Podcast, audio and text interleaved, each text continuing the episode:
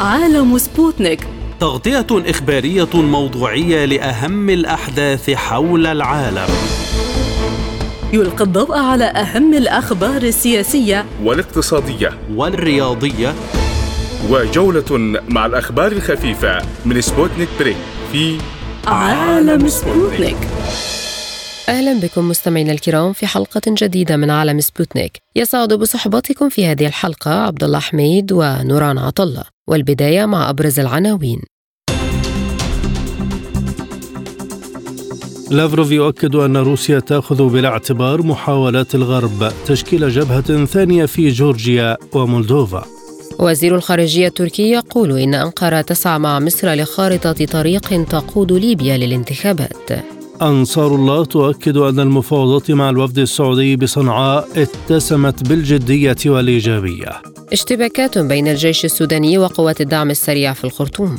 وفي الملف الاقتصادي صندوق النقد يؤكد أن حصة الدولار لدى دول العالم انخفضت لأدنى مستوى في 27 عاماً.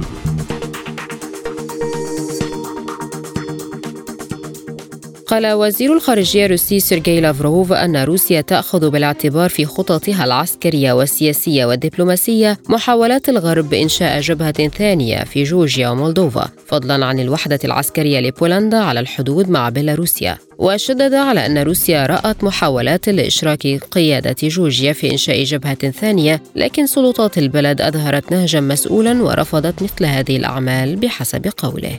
وتابع لافروف أنه بالإضافة إلى ذلك كانت هناك تقارير تفيد بأنهم كانوا يحاولون تشكيل جبهة ثانية وثالثة وواحدة ونصف من مولدوفا كما أشار الوزير الروسي في خطابه إلى أن بولندا ركزت وحدة عسكرية جادة على الحدود مع بيلاروسيا وهو أمر لا ينبغي نسيانه أيضاً. للمزيد من المتابعة ينضم إلينا من موسكو المحلل السياسي دكتور فايز حوالة بعد التحية ما هدف الغرب من فتح جبهة ثانية ضد موسكو في جورجيا ومولدوفا وهل ينجح ذلك الأمر؟ آه، بداية تحية لكم ولمستمعيكم ومتابعيكم الأكارم بكل تأكيد تعودنا خلال السنوات الماضية ومنذ انهيار الاتحاد السوفيتي في تسعينيات القرن الماضي أن الولايات المتحدة الأمريكية التي تسعى لبسط هيمنتها الكاملة على كل العالم وفرض سياساتها وحتى في الفترة الأخيرة أخلاقياتها على دول العالم هذا الأمر آه جعلها آه تتمادى. فنجحت في بعض الأماكن كالثروات الملونة وما يسمى بالربيع العربي ولكن عندما بدأ الأمر منذ الانقلاب الدموي في كييف عام 2014 حتى بداية العملية العسكرية الخاصة تغيرت التكتيكات الأمريكية نظرا للنجاحات التي حققها الجيش الروسي في أوكرانيا وخاصة في تحرير كثير من المناطق من النازية الجديدة والدفاع عن حقوق المواطنين الروس المتواجدين في تلك المنطقة والقضاء على النازية الجديدة التي تتزعمها حكومة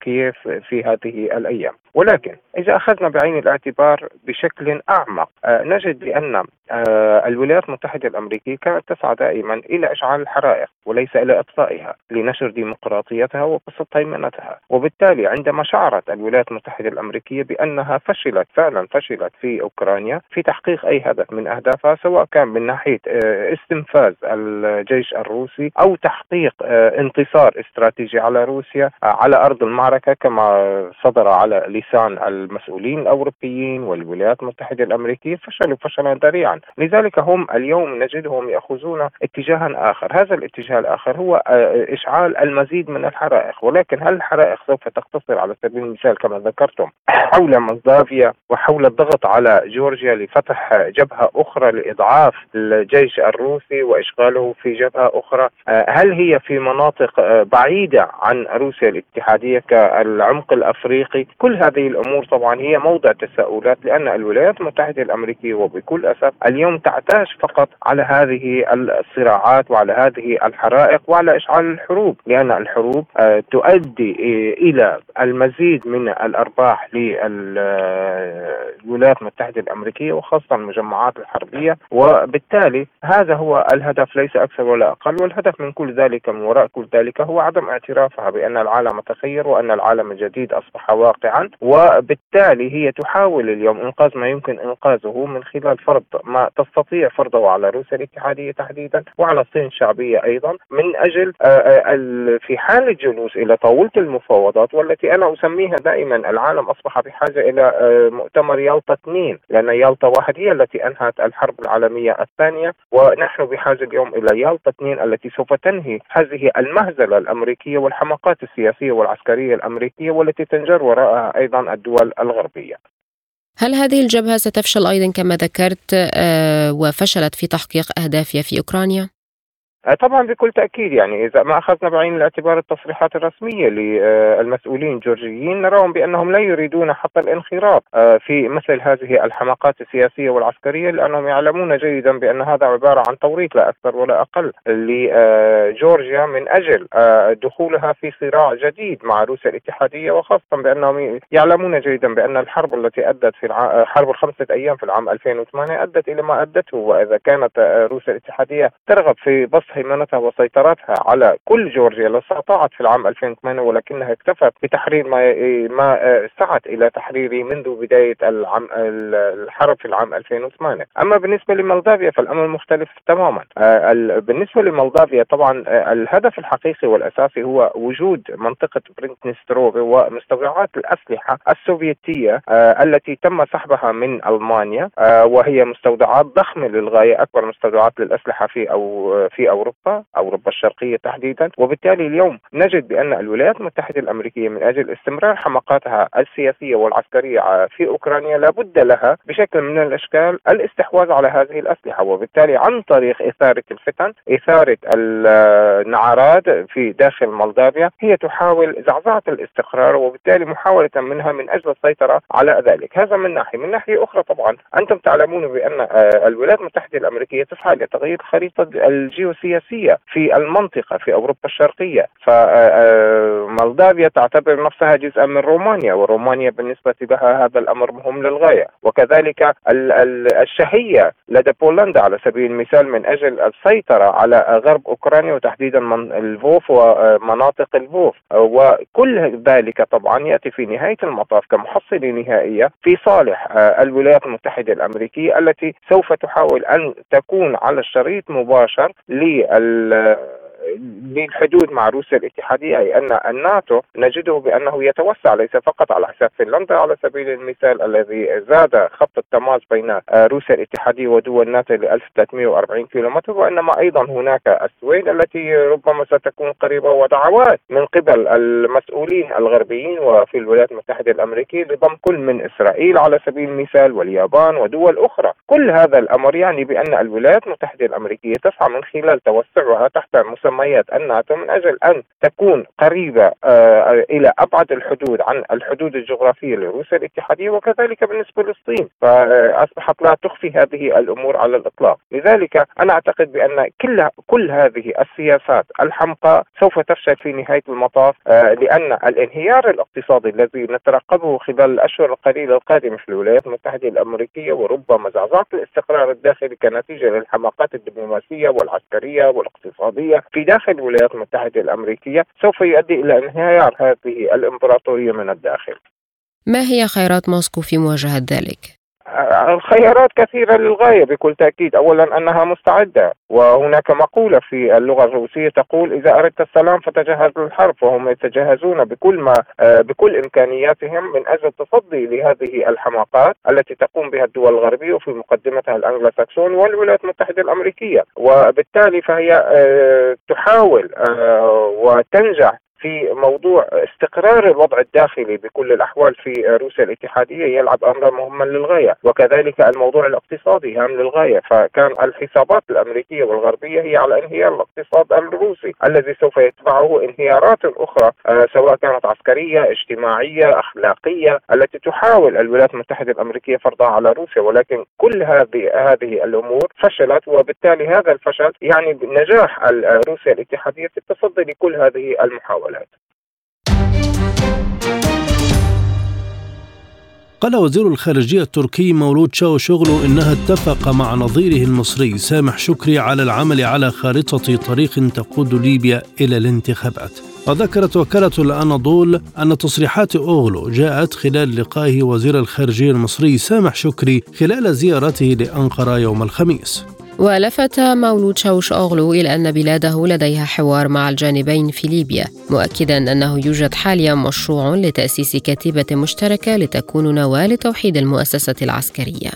المزيد ينضم إلينا من القاهرة الكاتب والمحلل السياسي الليبي السيد حسين السويعدي. أهلا بك سيد الكريم. كيف ينعكس التقارب المصري التركي على مسار حل الأزمة الليبية؟ أهلا وسهلا. شوف هو التقارب المصري التركي والتقارب الإيراني السعودي كله في مجمله يعني مفيد لمنطقة الشرق الأوسط وللأمة العربية وللإسلامية. وهو يعني يقظة مفيدة للسياسيين وللقيادات في هذه الدول وقادة الأمة العربية والإسلامية. لإنقاذ بلدهم من مؤامرات التدمير الذاتي التي انطلقت منذ سنوات في العراق وسوريا وليبيا واليمن وإلى آخره.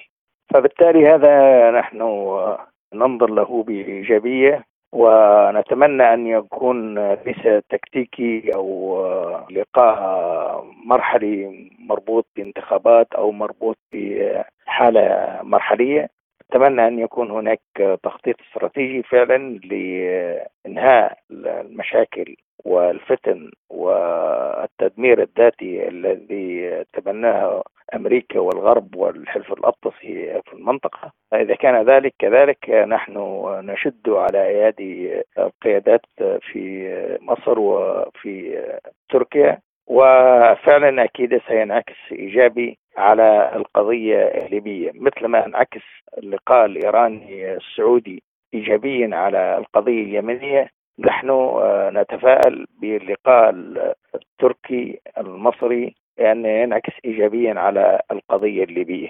وبصراحة لأن هؤلاء من اللاعبين الإقليميين المهمين في الحالة الليبية وفي المسألة الليبية سواء بمشاركة الأتراك مباشرة العدوان على ليبيا في 2011 سواء الآن الوضع المصري بوضع الرئيس السيسي الخط الأحمر حول السرد والجفرة تلك الدولتين لاعبين مهمين في الحالة الليبية وفي المسألة الليبية إلى أي مدى يمكن أن يتوافق البلدان على خريطة طريق لحل الأزمة الليبية كما قالت شاو شغله والله هو شوف يعني إحنا بصراحة كليبيين إحنا كليبيين مسألة وحدة وسيادة ليبيا هذه مسألة يعني ضرورية وغير مقبول دونها أي أي قبول بأي شيء آخر.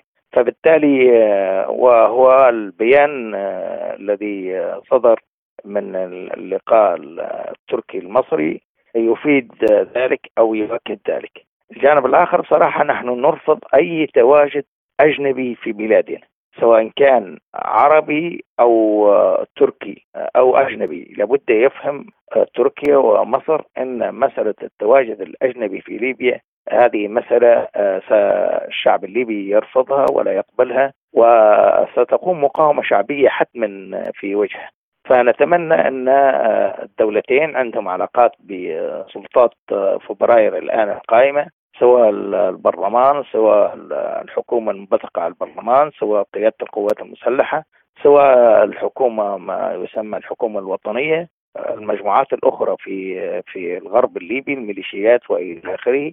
عندها علاقات مع تركيا وهي داعم أساسي لها. فبالتالي نتمنى أن يذهب الطرفين إلى وحدة المؤسسة العسكرية الليبية. ووحدة الإدارة الليبية ووحدة المؤسسات الليبية ووحدة القيادات الإدارية الليبية ويفضي إلى انتخابات يقرر فيها الشعب الليبي مصيره وزير الخارجية التركي تحدث عن مشروع لتأسيس كتيبة مشتركة لتكون نواة لتوحيد المؤسسة العسكرية الليبية ما تفاصيل هذا المشروع وما هي فرص تحقيقه؟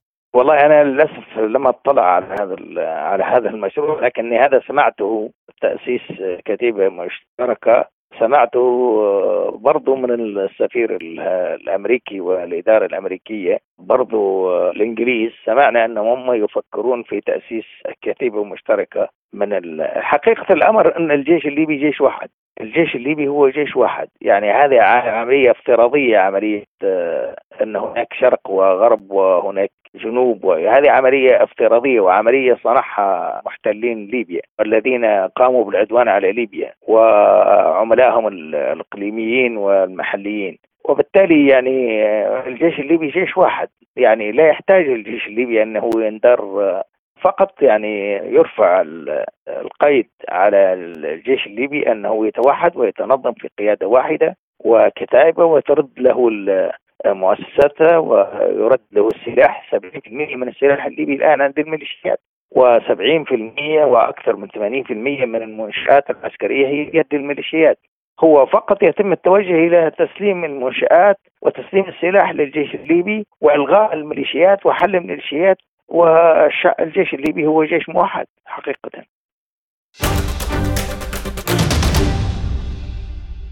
قال المتحدث باسم جماعة أنصار الله الحوثيين محمد عبد السلام إن المفاوضات التي أجرتها جماعته مع الوفد السعودي بالعاصمة اليمنية صنعاء وحضور الوفد العماني اتسمت بالجدية والإيجابية. وأضاف في تصريحات على تويتر أن الوفود أنهت أعمال التفاوض في العاصمة صنعاء بعد نقاشات اتسمت بالجدية والإيجابية وبتقدم في بعض القضايا على أمل استكمال البحث في القضايا العالقة في وقت لاحق. هذا وقال عضو المكتب السياسي لجماعة أنصار الله محمد البخيتي في وقت سابق إن الإعلان عن اتفاق صنعاء التاريخي سيكون بمثابة ميلاد ربيع عربي جديد للتصالح والتسامح. ووصل يوم الجمعة العشرات من أسرى جماعة أنصار الله اليمنية إلى مطار صنعاء الدولي بعد إفراج الحكومة اليمنية عنهم ضمن اتفاق الأسرى الذي توصل إليه الطرفان ويشمل في مرحلته الأولى تبادل نحو 320 أسيرا. للمزيد من المتابعة ينضم إلينا من صنعاء عضو المكتب السياسي لجماعة أنصار الله محمد البخيتي بعد التحية ما هي القضايا التي تم التوافق حولها بين الرياض وأنصار الله وما هي القضايا التي لا تزال عالقة حتى الآن؟ آه بسم الله الرحمن الرحيم. آه لقد تم التوافق على الكثير من النقاط. آه فقط هو آلية التنفيذ. آه وسيتم الإعلان عن هذا الاتفاق بعد استكمال المفاوضات في المرحلة القادمة. والأمور في المنطقة تجري في اتجاه أو تسير في اتجاه التصالح. ونعمل من دول العدوان أن تعجل من هذه الخطوات لأنه لا يوجد أي مبرر ولا أي فائدة من تأخير التوصل إلى حل شامل ودائم في المنطقة. ما هي فرص التوصل لاتفاق تاريخي بين الطرفين كما قلت حضرتك؟ الفرصة كبيرة ولكن طبعا هناك دول منزعجة من هذا التقارب الذي يحصل في المنطقة وعلى رأسها أمريكا وبريطانيا وكذلك إسرائيل. وهم يعملون على وقت أي تقارب وتصالح في المنطقة. ولكن على ما يبدو أن التوجهات نحو التصالح باتت أقوى. وبالتالي نحن متفائلين. ما لم يحدث طارئ. وما هو موقف المجلس الانتقالي الجنوبي من أي اتفاق يمكن التوصل إليه مستقبلا؟ كل المكونات السياسية التي تورطت في القتال في صف العدوان هي غير راضية عن أي تقارب فيما بين صنعاء والرياض وهذا الشيء متوقع ولكن إذا كان هناك قناعة لدى السعودية في التوصل إلى حل. فلن تكون تلك المكونات مشكلة أو عائق أمام التوصل إلى حل. لأنها مكونات ليست قائمه بذاتها وأصبحت تعتمد في وجودها وبقائها واستمرارها على التدخل العسكري الخارجي. وبالتالي هي لن تؤثر عدا المزايدات عبر الإعلام. كيف ترى الأمور في الفترة القادمة؟ هل ستسير بنفس الجدية والإيجابية أم ستتغير؟ عندما نقارن بين موقف السعودية في السابق وموقف الآن نجد أن هناك جدية ومصداقية بالمقارنة بالفترات الماضية و وطبعا هذه الجدية تأخرت كثيرا لأنه بعد أن تأكد لدول العدوان عدم إمكانية الحسم كان ينبغي أن يتم العمل على الخروج من هذه الورطة. ولكن هناك أمل آمال كبيرة على النجاح خصوصا وأن قطار المصالحة قد تحرك في العديد من البلدان العربية وليس فقط في اليمن وهذا ما يجعلنا أكثر تفاؤلا. أكدت قيادة قوات الدعم السريع أن قوة كبيرة من القوات المسلحة السودانية دخلت إلى مقرها في أرض المعسكرات سوبا بالخرطوم وحاصرته وسط هجوم بكافة أنواع الأسلحة الثقيلة والخفيفة. ونشدت في بيان الرأي العام الدولي والإقليمي إلى إدانة الهجوم داعية الشعب السوداني إلى التماسك في هذه اللحظة التاريخية الحرجة. وكانت وكالة رويترز أفادت بأن جهود الوساطة بين قائد الجيش السوداني عبد الفتاح البرهان وقائد قوة الدعم السريع الفريق أول محمد حمدان دقلو الشهير بحميدتي أسفرت عن إقناعهما بعقد اجتماع لحل الخلافات بينهما. ونقلت رويترز عن مسؤولين سودانيين قولهم إن دقلو قد تعهد بخفض التصعيد في البلاد وأبدى استعداده للقاء البرهان في أي وقت ومن غير قيد أو شرط. إلى ذلك قال عضو مجلس السيادة مالك عقار وحاكم دارفور ووزير المالية السودانية عقب لقائهم قائد الجيش السوداني عبد الفتاح البرهان إن البرهان أكد أن الأزمة بين الجيش السوداني والدعم السريع في طريقها للحل وأنه لا حرب أهلية في الأفق. إذا من الخرطوم حول هذا الموضوع ينضم إلينا مدير مركز العاصمة للدراسات السياسية والاستراتيجية السيد حسن شايب دونقس أهلا بك سيد الكريم يعني من المسؤول عن وصول الأوضاع في السودان لهذه المرحلة الخطيرة؟ مسؤول منها النسبة السياسية والعسكرية داخل الدولة السودانية باعتبار أن طيلة الأربع سنوات لم يتم الاتفاق حول رؤية الانتقال الديمقراطي السري داخل الدولة السودانية. ونعم من ثورة ديسمبر لم يجد قيادة رشيدة داخل الدولة السودانية العبور بها إلى بر الأمان.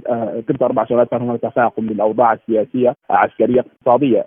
هذا انشداد في الأفق السياسي داخل الدولة. حتى الحوار يكاد ينعدم تماما. أي حوار لابد أن يكون فيه إقصاء للآخر وهذا يعني ترتضي كل أطراف النزاع داخل الدولة السودانيه في التوصل في التوصل لاتفاق ينهي آه هذه الازمه التي طال أمدها والتي لم تبارح مكانها من طيلة الأربع سنوات الماضية، اذا الوضع الآن أنا أقول يعني حرج بكل ما تحمله كلمة حرج من معنى يعني انتشار كثير جدا لقوات الدعم السريع في كل شوارع بالذات مناطق جنوبي الخرطوم، كذلك هنالك حالة من الرعب والهلع بين المواطنين في المنطقة وفي ظل يعني بيانات الدعم السريع أعلنت القوات المسلحة واعتبرت أن قوات الدعم السريع هي قوة خارجه عن سيطرتها هذا يدل على مدى الخلاف وهذا ربما يدل أنا أقرأه من خلال متخصص دراسه سياسية استراتيجيه إنه محاولة انقلابية من قبل قوات الدعم السريع لاستيلاء على السلطه داخل السودان، كذلك كان هنالك اقتحام أو محاولة اقتحام قوات الدعم السريع مقر القيادة العامة للجيش السوداني، وكما تواتر الانباء من خلال يعني أقول أن هنالك عمل مرتب كبير جدا من قوات الدعم السريع باعتبار البيانات التي تخرج متتالية. هذا يدل على أن هنالك عمل مرتب كبير جدا. ونظمنا من الجانب الآخر نجد أن القوات المسلحة لم تصدر سوى بيان واحد عبرت فيها عن أن قوات الدعم السريع هي قوات متمردة خرجت عن سيطرتها. لماذا اختار الجيش والدعم السريع خيار الاشتباك العسكري بدلا من التوافق الذي كان قريبا من كافة الأطراف؟ يعني هذا التصعيد الخطير آه الذي تم صباح اليوم. هذا نعتبره كان نتاجا من قبل الدعم السريع نتيجة لدعوات القوات المسلحة بضرورة دمج قوات الدعم السريع قبل التوقيع على الاتفاق الاطاري دمج القوات السريع في القوات المسلحة باعتبارها جزء لا يتجزأ من القوات المسلحة تحت امارتها بصورة مباشرة. هذا يعني أن يكون هنالك احاله للجنرالين الكبيرين آه، عبد الرحيم دبلو ومحمد حمدان دبلو الأخوين اللذان يسيطران على قوات الدعم السريع. وكان هنالك يعني دعوات ذلك من آه، شميتي بضرورة أن يكون هناك التوقيع على هذا الاتفاق الإطاري. لكن بدعوة الجيش بدمج قوات الدعم السريع في الجيش قبل التوقيع على الاتفاق الإطاري هذا أدخل قوات الدعم السريع في نفق ضيق باعتبار أنها يعني كانت تدعو للاتفاق الإطاري. وما أن تم أن يتم دخول القوات المسلحة قوات الدعم السريع في القوات المسلحة. يعني هذا كان كأنه يعتبر تنصل من قوات الدعم السريع. لذلك هذه أنا اعتبرها هذه جاءت الدعوة أو هذه المحاولة الانقلابيه هي رفضا لدعوات الجيش واعتبارا ان هنالك حاضنة سياسية كبيره جدا الآن توجد المجلس المركزي لقوى الحريه التغيير للدعم السريع. هل يستمر هذا التصعيد العسكري أم أن هناك فرصة لنزع فتيل الأزمة؟ ربما يعني آه، نزع فتيل الأزمة ربما يعني المناخ غير مواتي الآن. باعتبار أن هناك تصعيد كبير جدا. الآن أعلنت قوات الدعم السريع سيطرتها على القصر الجمهوري وكذلك اعلنت سيطرتها على قاعدة مروي العسكريه واعلن سيطرتها كذلك على مطار الأبيض. كل هذه تعتبر مناطق حيوية كبيرة جدا آه، وهي شريان الدولة السودانية. هذا يدل على أن هناك هذا يعني من حسب تحليل اعتبره انه انقلاب كامل الدسم وغياب للجيش. آه، هذا يدل على ضعف مكونات الجيش داخل الدولة. ولم تكن هنالك صراعات حقيقية وسيناريوهات لكيفية التعامل مع الدعم السريع. وهذا ربما يعني يدفع حسابات الشعب السوداني باعتبار عدم الاستقرار. السياسي ربما ينعكس على الاستقرار العسكري ربما يكون هنالك مزيد من يعني الهلاك في الممتلكات والأرواح باعتبار ان عدم الاستقرار وأنا أتحدث معك الآن أسمع إطلاق ضوئي إطلاق النار آه، يعني جنوبي الخرطوم وهذا يدل على إن هناك تصعيد ما بين الجانبين. كيف ينعكس هذا التصعيد من جانب القوات المسلحة والدعم السريع على الأوضاع السياسية والأمنية في السودان؟ الآن خلال الدقائق الماضيه انقلبت موازين القوى على أرض الواقع آه، داخل المشهد العسكري السياسي السوداني. إذ قامت القوات الجوية العسكرية آه، السودانية بشن آه، يعني هجوم جوي على مقار قوات الدعم السريع في أشياء في مناطق شتى من ولاية الخرطوم واستسلام عدد كبير جدا من جنود الدعم السريع للجيش اذا هنالك هناك حالة من الكر والفرق من قوات الدعم السريع بالإضافة إلى أن يعني قوات الدعم السريع بولايات النيل الأبيض ولايه شمال كردفان آه، سلمت مقارها لقيادة الجيش في تلك الولايات. اذا على أرض الواقع هنالك يعني متغيرات في المشهد السياسي. كان آه، في الصباح الباكر كان هنالك تسيد لقوات الدعم السريع في كافة مناحي شوارع ولايه الخرطوم ولكن الآن انقلب الحديث تماما. الآن أصبح الجيش يسيطر على اوضاع كثيرة جدا. وهناك أنباء تقول أنه هناك في محاولات لإلقاء بعض القبض على قيادة الدعم السريع.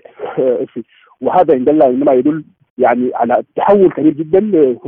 كان هناك استراتيجية ربما للمكون العسكري في التعامل مع قيادة قوات الدعم السريع. وهذا ما انعكس على الشارع تماما. أنا الآن يعني أراقب أوضاع الكذب والان أنا أتجول في بعض شوارع ولايه الخرطوم التي كانت ترتكز فيها قيادة قوات الدعم السريع؟ أجد أن انسحاب قوات الدعم السريع في كثير جدا من الأماكن الشوارع الاستراتيجية التي كانت في المنطقة وهذا مؤشر إلى أن هنالك آه، كان حدث آه، يعني انقلاب في موازين القوى في الساعات الماضية أو في الدقائق القليلة الماضية. سيد حسن هل يعني ذلك أن الكفه تميل إلى من يملك موازين القوى العسكرية على الأرض؟ نعم آه، القوى العسكرية الآن يعني أنا ذكرت لك إنه قيادة الجيش السوداني استعمل سلاح الطيران الجوي وشن آه، يعني هجوم جوي كبير جدا على مقار قوات الدعم السريع آه، آه، في عدة مناطق في ولاية الخرطوم وأدى إلى أن يكون هناك استسلام بعد قياده الدعم السريع وهذا يعني يدل على يعني انفراد زمام قوات الدعم السريع وفقدان القيادة العليا مع القيادة السفلى. وكما ذكرت هذا يعني أن هناك كان محاولة انقلابية داخلة من قوات الدعم السريع لم يكتب لها النجاح وهذا يعني يقود بحديث إنه سيكون المشهد السياسي السوداني في المرحلة القادمة آه، يعني متغير جدا اذ انه ربما يعني حتى في بيان قبل قليل آه، الجيش وصف آه، قوات الدعم الدعم السريع بالميليشيا.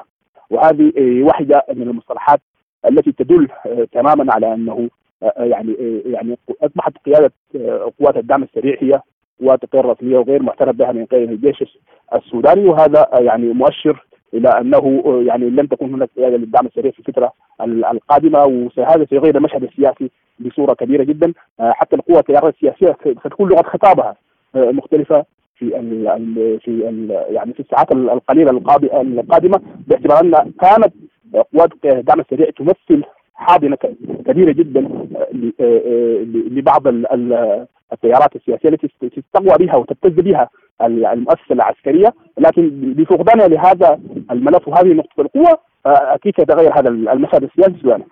هذا يدعونا إلى التساؤل عن حالة الرتب العسكرية والقيادات في مؤسسة الجيش السوداني، إلى من سيكون ولاؤها؟ حتى الآن ولاء الجيش للفريق الأول عبد الرحمن يعني البرهان هنالك التفاف كبير جدا للقوات المسلحة حول البرهان لم يكن هنالك أي نوع من التذمر حول القيادة للبرهان إنما كان هنالك التفاف في في فترات ماضية وهناك كانت لقاءات مكاشفة ما بين يعني ضباط ضباط صف القوات المسلحة مع الفريق البرهان في المرحلة الماضية وكان دعوه بصورة مباشرة إلى الائتمار الائتمار بهيئه قيادة الجيش ولا يتصرف بتصرفات فردية وربما هذا يعني انعكس على أرض الواقع بصورة كبيرة جدا اذا البرهان في الفترة الأخيرة أصبح يستمع كثيرا جدا بهيئه قياده الجيش باعتباره إنه هي من تمثل قيادة الجيش وهو من يمثل رمزيتها. هل بمقدور النخب السياسية التدخل الآن لتجنب المزيد من التصعيد؟ النخبه السياسية هي دائما ما تبني من الفشل في حل القضايا القومية السودانية وهي ليست قادرة على حل أي قضية قومية. إذا ما نظرنا إلى التاريخ السياسي السوداني نجد أن كل القوى والنخبه السياسية السودانية إنما يعني يكون تحالفها مع الخارج بصورة كبيرة جدا واذ انها لا تملك قرارها ولا تملك إرادتها ما لم تتم مشاورة بعض القوى الأجنبية التي تتعامل معها وحتى أفقد الثقه ثقة الشارع السوداني.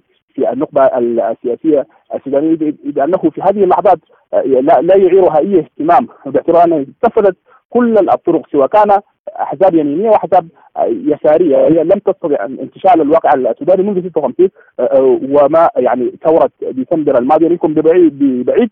اذا هذه الثورة لم خطفتها القوى السياسية فيما بينها ولم تستطع يعني المرور بالبلاد إلى فكره انتقاليه ديمقراطية. تلك من ثم الشروع في أن تكون هنالك يعني انتخابات حرة ونزيهة. طيله العرض السنوات الماضية. اذا التيارات السياسية هي من تسبح مع التيار زي بين قوسين يقول عندنا هنا الهوى قلب يعني. متى ما كان هنالك مصلحة لهذه الاحزاب تتميل يعني نميل حيث ما مال الهوى يعني.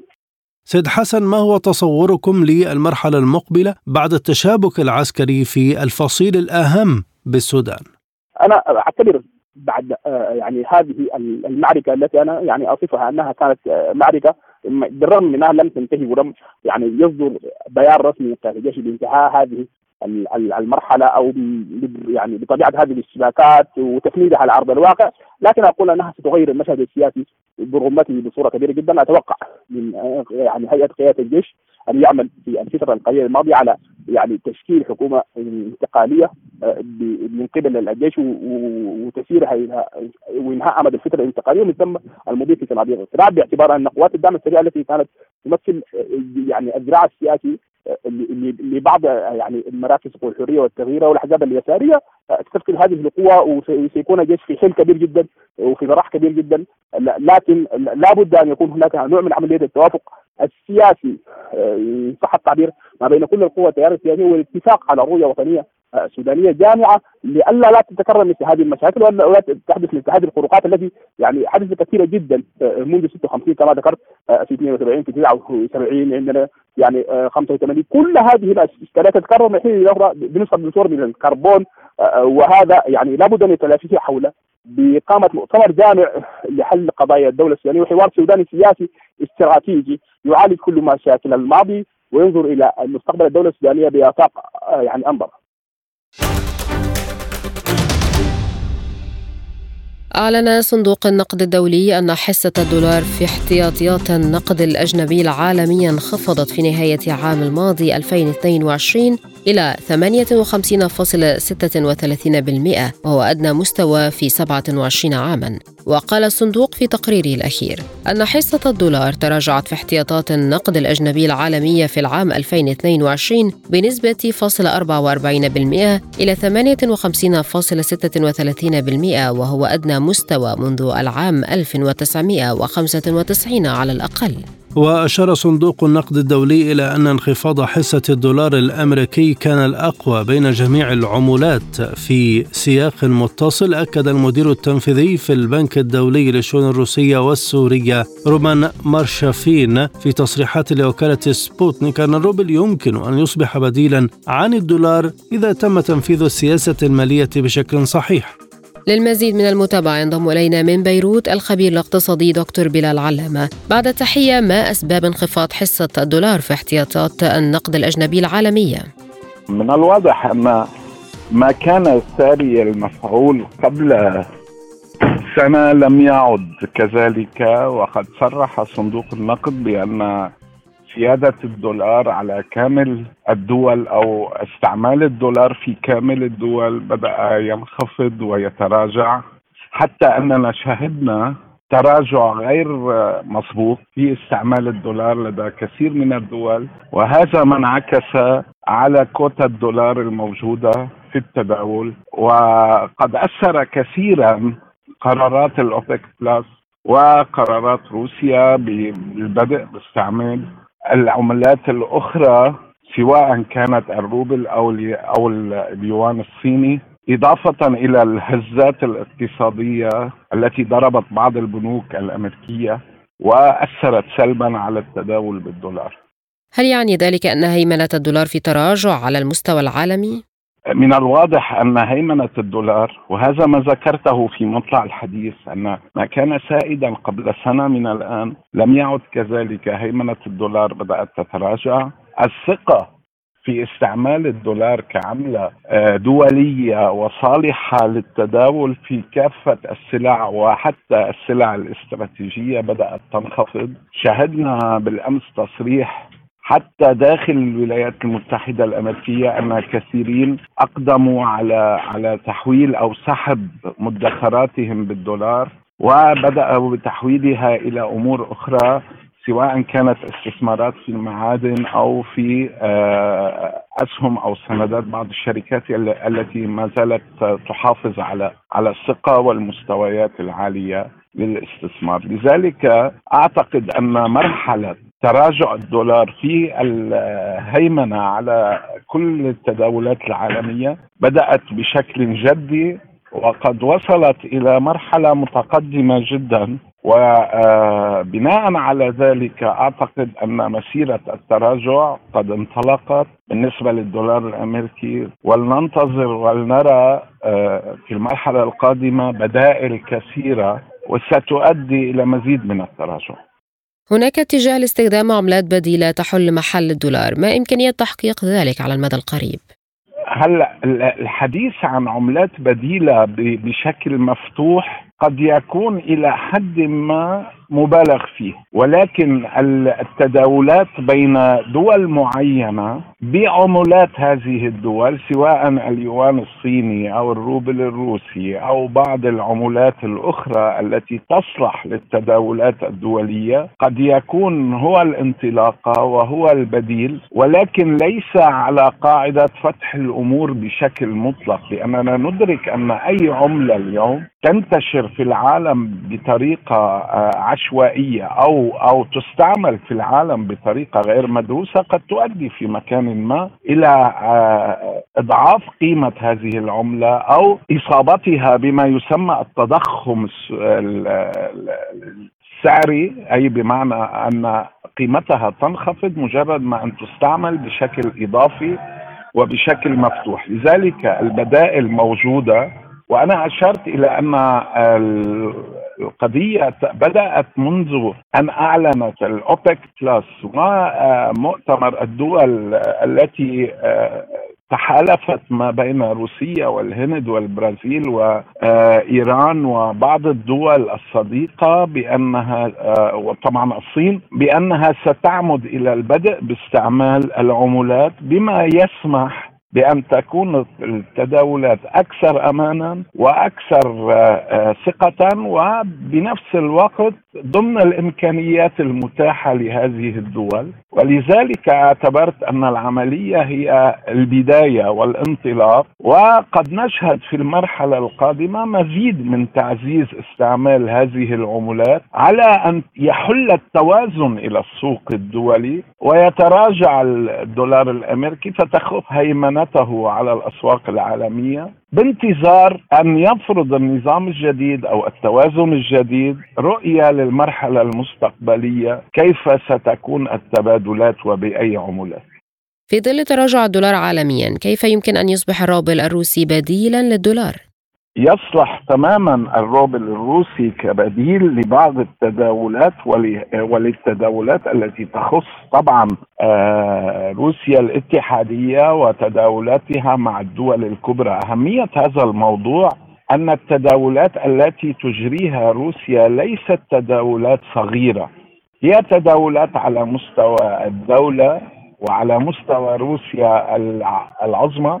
التي التي آه، حجم التداولات وحجم التعاملات هي كبيرة جدا وبالتالي هي تأخذ جزء كبير من التبادلات العالمية، الروبل ينطلق آه، تدريجيا وبهدوء للحلول كعمله بديلة على أن يحجز حصته لاحقا بناء على رؤية واستراتيجية الدولة الروسية بالحجم الذي تريده أن ينتشر دون أن يؤثر على قيمته وعلى آه، وزنه وزن الثروة التي يحملها الروبل خاصة أننا شاهدنا أنه رغم كل العقوبات التي فرضت غربا ومن الولايات المتحدة الأمريكية وصولا إلى كندا وكل الدول التي تدور في فلك الغرب لم لم تفلح في آه، مضايقة أو آه، لم تفلح في تطويق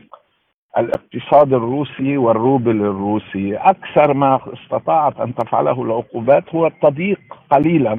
فمباشرة الدولة الروسية وجدت البدائل وأمنت التبادلات أو الأسواق التي تنطلق إليها وبالتالي أنا أعتقد أن هذا الموضوع الروبل هو صالح وممكن أن يكون العملة البديلة ولكن وفق رؤية الدولة الروسية ووفق استراتيجيتها لكي تصل إلى مرحلة يحل الروبل كبديل ولكن دون أن يفقد قيمة أي من قيمته أو الثروة الموجودة فيه.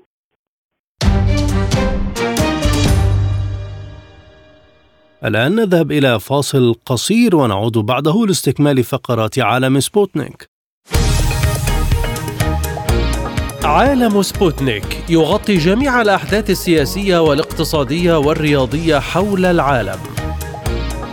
على مدار ساعة تتابعون عالم سبوتنيك مع أهم خبراء التحليل السياسي والاقتصادي.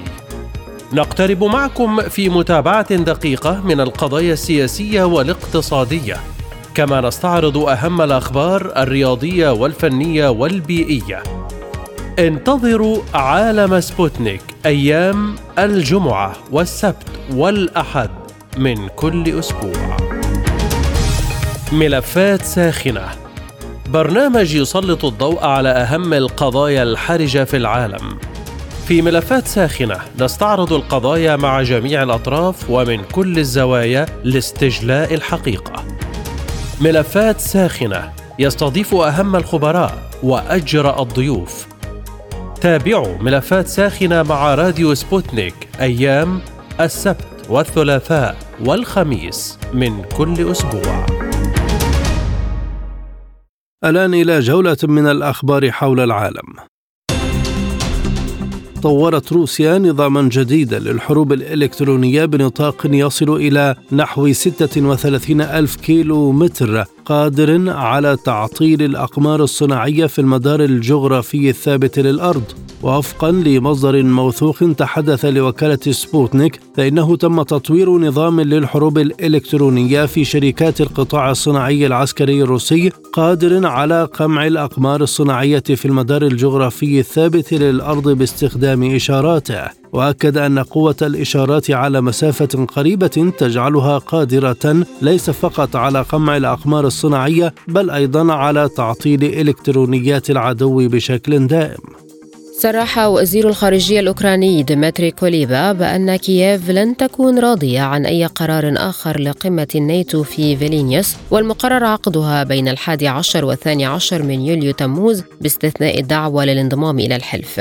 وقال كوليبا خلال بث مباشر على حسابه في إنستغرام إنه يجب على الناتو أن يتخذ خطوة نحو العضوية ويقرر ما سيحدث فيما يتعلق بالضمانات الأمنية لأوكرانيا بين الآن واللحظة التي تصبح فيها أوكرانيا عضوا في الحلف وأضاف أن كييف لن تتخذ بأي حال من الأحوال أي قرارات بديلة. قال الرئيس البرازيلي لويس إناسيو لولا دا سيلفا إن الولايات المتحدة يجب أن تتوقف عن تشجيع الصراع في أوكرانيا وتبدأ في التحدث عن السلام. وأضاف في تصريحات للصحفيين من بكين في نهاية زيارته للصين حيث التقى بالرئيس جين بينغ وحث واشنطن على البدء في عملية السلام كما دعا إلى ضرورة أن يبدأ الاتحاد الأوروبي في التحدث أيضا عن عملية السلام.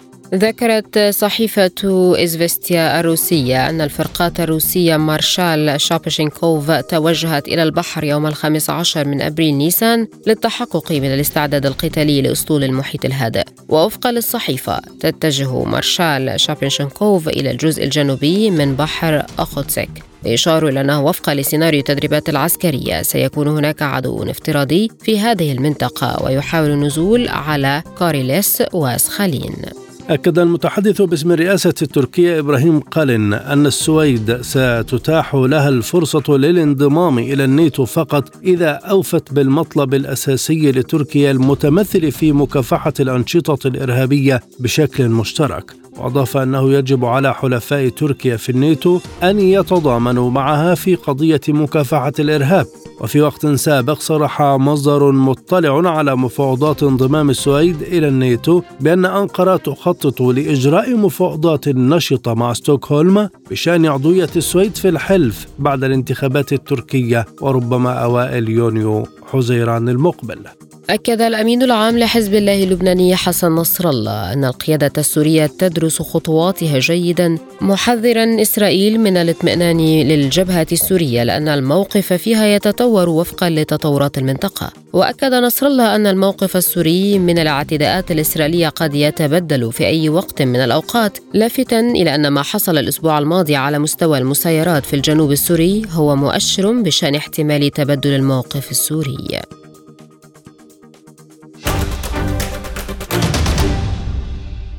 مستمرون معكم وهذه تذكرة بأهم عناوين ملفاتنا.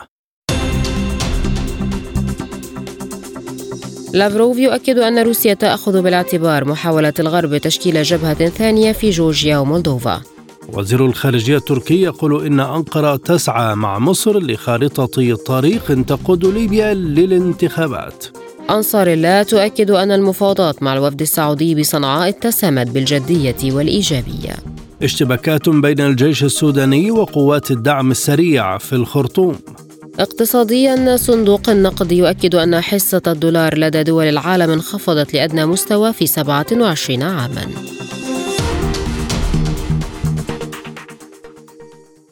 الآن إلى جولة في أخبار الاقتصاد.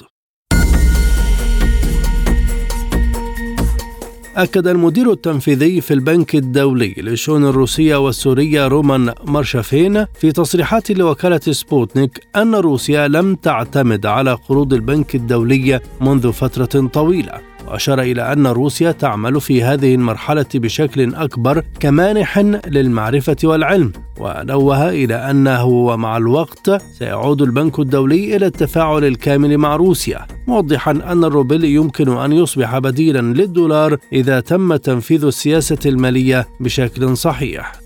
توقعت وكالة الطاقة الدولية انخفاضا في المعروض النفطي العالمي بمقدار 400 ألف برميل يوميا بحلول نهاية 2023 وذكرت الوكالة أن هناك زيادة متوقعة في الإنتاج قدرها مليون برميل يوميا من خارج أوبك بلس بدءا من مارس آذار مقابل مليون و400 برميل يوميا ستخفضها الدول المنتجة بالمجموعة. وأوضح التقرير أن ارتفاع مخزونات النفط العالمية ربما أثر على قرار أوبك بلس لافتة إلى أن المخزونات في منظمة التعاون الاقتصادي والتنمية بلغت في يناير كانون الثاني أعلى مستوى لها منذ يوليو تموز 2021 عند ملياري و83 مليون برميل.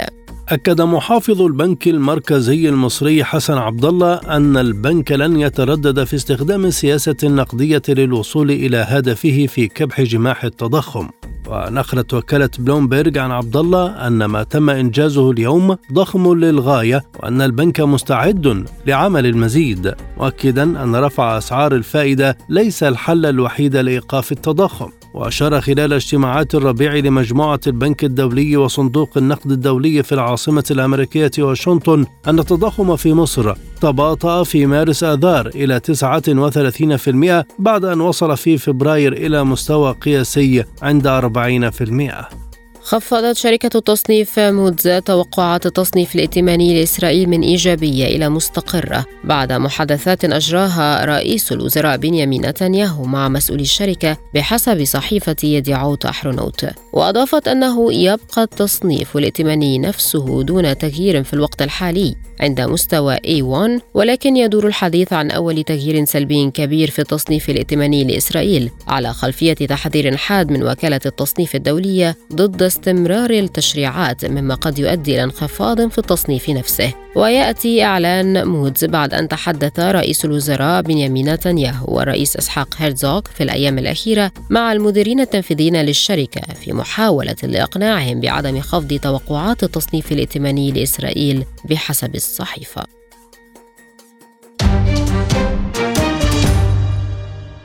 الآن مع أخبار الرياضة. قال جيرمان كريستوف جالتييه مدرب باريس سان جيرمان إنه صدم بشدة من اتهامات بأنه أدلى بتصريحات عنصرية ضد لاعبين عندما كان يدرب نادي نيس الموسم الماضي. ونفى المدرب البالغ من العمر 56 عاما الإدلاء بتصريحات عنصرية ومعادية للإسلام بعد مزاعم ظهرت على السطح في رسالة إلكترونية أرسلها على ما يبدو المدير الرياضي السابق في نيس جوليان فورنيه التي أوردتها وسائل إعلام فرنسية مختلفة. تغلب النادي الأهلي على ضيف فاركو بثلاثة أهداف من دون رد في المباراة التي جمعتهما ضمن منافسات الجولة الخامسة والعشرين من الدوري المصري الممتاز لكرة القدم. وسجل ثلاثية الأهلي كل من المدافع محمود متولي والمهاجم محمد شريف والمدافع التونسي علي معلول عند الدقائق التاسعة عشر والخامسة والأربعين والتسعين من ركلة جزاء على الترتيب. بذلك رفع نادي الأهلي رصيده بعد هذا الفوز إلى 50 نقطة من 20 مباراة ويحتل صدارة جدول ترتيب الدوري فيما يشغل فريق فاركو المركز الثامن على سلم الترتيب برصيد 32 نقطة من 25 مباراة. أعلنت الاتحاد الأوروبي لكرة القدم يويفا التشكيلة المثالية بعد أن أسدل الستار عن مباريات ذهاب الدوري ربع النهائي من منافسة دوري أبطال أوروبا لكرة القدم تشامبيونز ليج ودخل اللاعب الدولي الجزائري إسماعيل بن ناصر نجم فريق ميلان الإيطالي التشكيلة المثالية للبطولة القارية التي نشرها الحساب الرسمي ليويفا وجاء اختيار اللاعب الجزائري بعد قيادته نادي ميلان إلى تحقيق فوز ثمين على ضيفه نابولي بعد تسجيله هدف المباراة الوحيد. صعد الروسي أندريا روبليف إلى الدور نصف النهائي لبطولة مونت كارلو للتنس للماسترز ذات الألف نقطة والمقامة على الملاعب الرملية. وجاء تأهل أندريا روبليف المصنف خامسا في البطولة بعد فوزه على الألماني يان لينارد شتروف بمجموعتين دون رد بواقع 1-6 و7-6 ومن المقرر أن يلتقي روبليف الدور المقبل الأمريكي تايلر فريتز والمصنف ثانيا الذي فاز على اليوناني ستيفانوس تسيتسيباس بمجموعتين دون رد بواقع 2 6 و 4 6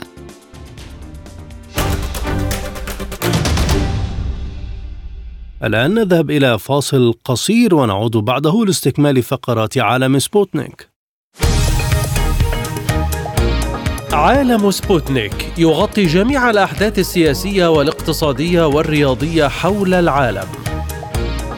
على مدار ساعة تتابعون عالم سبوتنيك مع أهم خبراء التحليل السياسي والاقتصادي.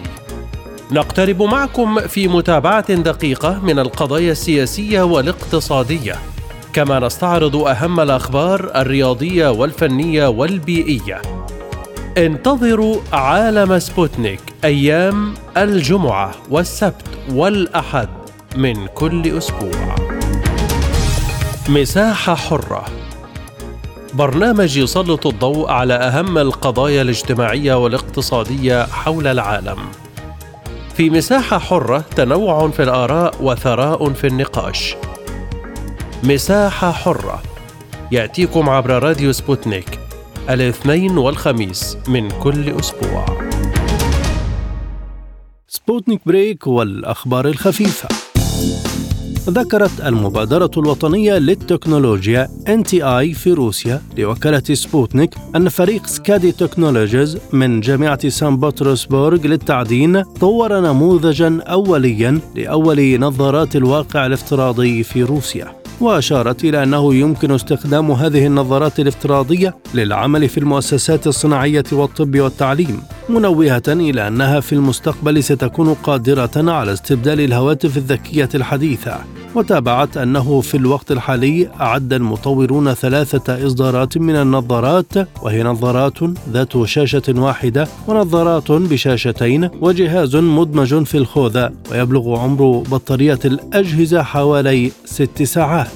حققت متسلقات جبال إسبانية رقما قياسيا بعد أن انعزلت عن العالم لمدة 500 يوم داخل كهف تحت الأرض كجزء من تجربة لها لدراسة أثار العزلة على جسم الإنسان. وفي أول تصريحات صحفية لها بعد الخروج من الكهف قالت بياتريس إنها لم تتحدث مع أي شخص خلال عام ونصف العام باستثناء نفسها واصفة التجربة بأنها ممتازة ولا تقبل بالهزيمة. وبدأت فلاميني تحديها في الحادي والعشرين من نوفمبر تشرين الثاني عام 2021 قبل أن تخرج من الكهف أمس الجمعة وبقيت فلاميني على بعد 70 مترا تحت الأرض باستثناء أسبوع واحد عندما أجبرت على مغادرة الكهف بسبب تعطل جهاز توجيه الإنترنت الذي يسمح لها بطلب المساعدة في حالات الطوارئ. لكنها ظلت طوال حل المشكلة في عزلة أخرى داخل خيمة وفقا لصحيفة The Guardian البريطانية.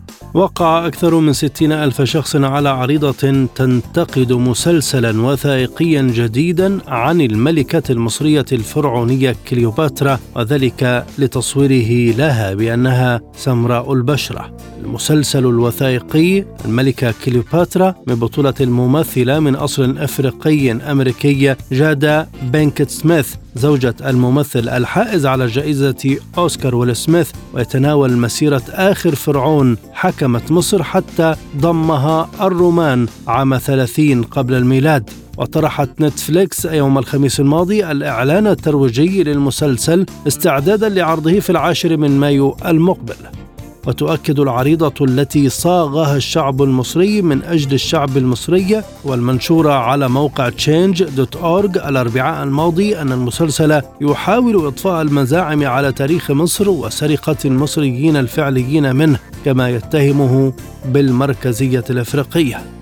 اكتشف علماء أثار في المكسيك قرصا لوحيا نادرا عمره 1200 عام يعتقدون أنه عبارة عن لوحة نتائج للعبة كرة المايا القديمة. وتم اكتشاف اللوح الحجري في موقع تشايتشن إيتزا في شبه جزيرة يوكاتان والذي يظهر رجلان يرتديان غطاء رأس مزخرف ويلعبان لعبة بيلوتا القديمة وهي لعبة مارسها مجتمع المايا لمئات السنين. ويوجد على الجزء الخارجي للوح سلسلة من الكتابة الهيروغليفية قريبة من الكتابة المصرية القديمة والتي يرجح علماء الآثار أنها من الممكن أن تكون لوحة نتائج للعبة والتي كانت ممارسة تقليدية لشعوب أمريكا الوسطى. ويبلغ وزن الحجر الأثري 40 كيلوغراما وتم اكتشافه مقلوبا على عمق نصف متر تحت سطح الأرض وفقا لصحيفة Evening Standard البريطانية.